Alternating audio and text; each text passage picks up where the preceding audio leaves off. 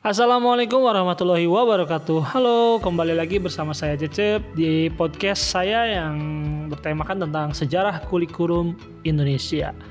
Nah, kemarin kan kita sudah ngebahas kurikulum tahun 1952. Nah, kita akan ke episode selanjutnya yaitu kurikulum 1964 yang bernama Rencana Pendidikan 1964. Nah, sebelum saya ke isinya, seperti biasa ya, seperti kemarin saya akan membacakan dulu nama kabinetnya apa, nama kementeriannya apa, nama kabinetnya itu orang-orangnya dan lama menjabat. Uh, mau diperhatikan ya. Oke, nama kabinetnya di sini adalah kabinet Dwi Kora, nama kabinetnya. Sedangkan nama kementeriannya atau uh, departemennya yaitu Kompartemen Pendidikan Kebudayaan Menteri Koordinator Menteri Pendidikan dan Kebudayaan dan Menteri PTIP Menteri Olahraga campur ya.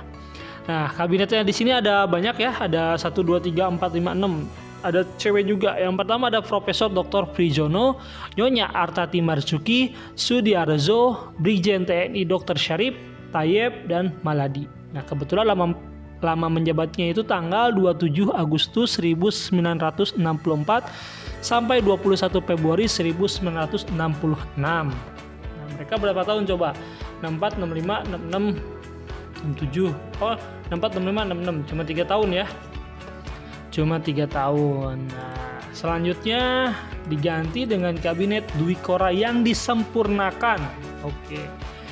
Nama kabinetnya Kompartemen Pendidikan dan Kebudayaan Menteri Koordinator Menteri Pendidikan dan Kebudayaan Menteri PTIP Menteri Olahraga. Apakah sama nama kabinetnya?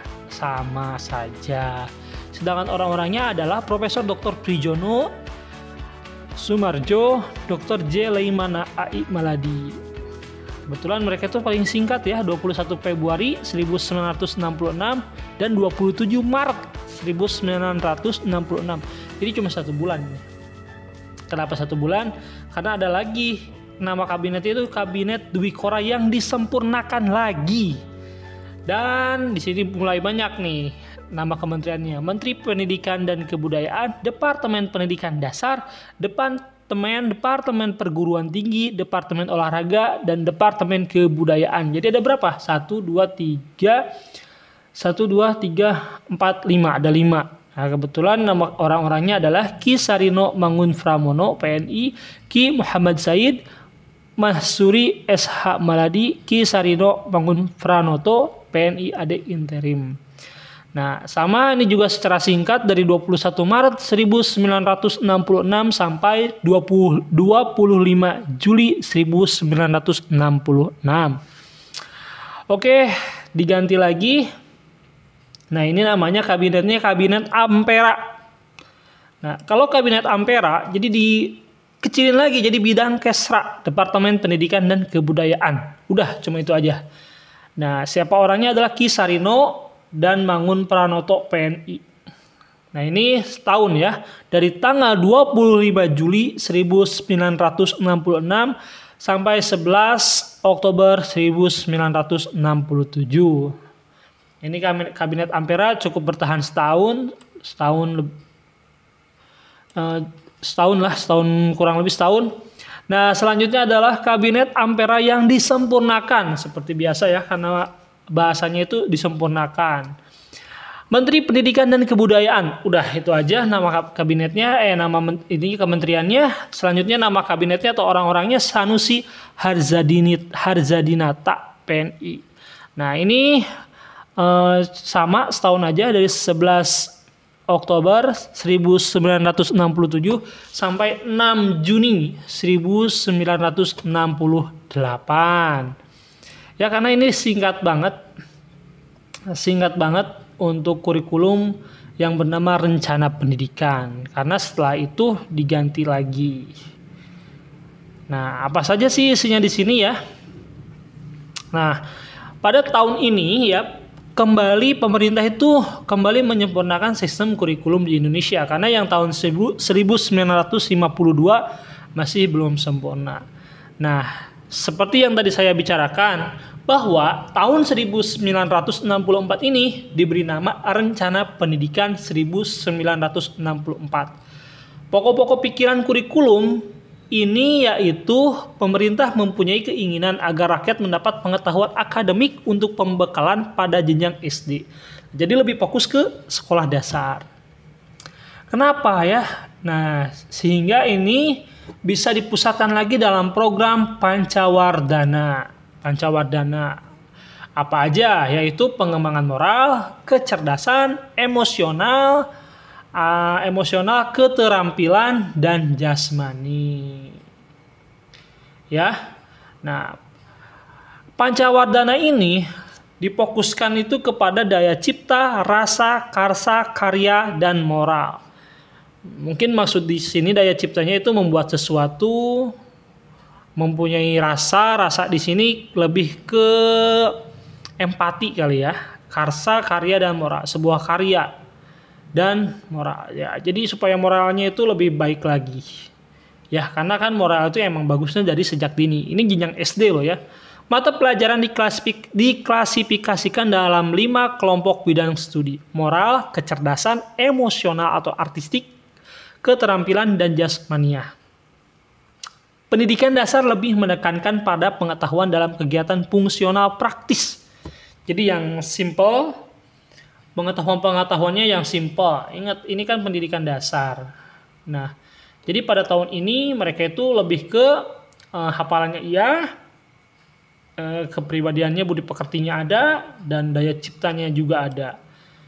Uh, emang sih gebrakan baru ini, karena yang sekarang itu kan lebih ke fokus ke SD.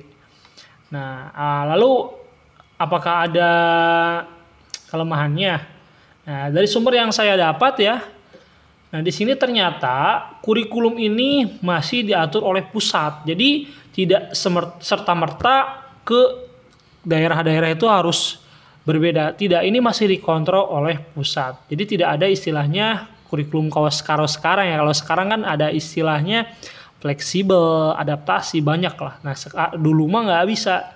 Tahun 1964 ini benar-benar kayak apa ya istilahnya ya hmm, otoriter gitulah.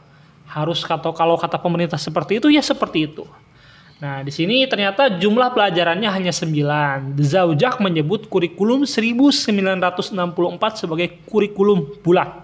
Hanya memuat mata pelajaran pokok-pokok saja katanya. Muatan materi pelajaran bersifat teoritis tak mengaitkan dengan permasalahan faktual di lapangan. Titik beratnya pada materi apa saja yang tepat diberikan kepada siswa di setiap jenjang pendidikan. Nah, di sini kan katanya bersifat teoritis. Jadi tidak disangkut pautkan dengan yang ada di lapangan. Jadi seolah-olah mengkerdilkan pengetahuan mereka itu menurut Zaujak ya dari bukunya itu. Jadi ya namanya juga buatan manusia ya tidak ada yang sempurna sampai sekarang pun kan kurikulum terus bergantian dan perlu kalian ketahui ini sejarahnya bermula SD sudah berpusat. Kalau zaman sekarang SD sudah per tema per KD wah rumit sekali.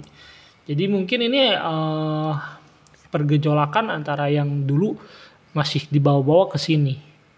Ya di sini juga kan sudah ada uh, apa ya semacam di tahun 1964 ini sudah ada semacam khusus untuk SD dan sekarang juga kan uh, kurikulum SMP silabus semuanya berbeda. Nah, jadi inilah cikal bakal perbedaan antara SD, SMP dan SMA. Jadi tidak zaman sebelum-sebelumnya disatukan.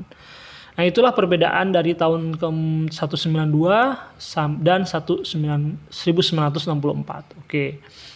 Uh, ini sumber-sumber ini saya dapat dari Google ya dari internet. Jadi kalian bisa menguasainya atau mencarinya. Dan untuk nama menteri kementerian departemennya kalian bisa temukan ini langsung di laman Kemdikbudnya. Ada kok ya.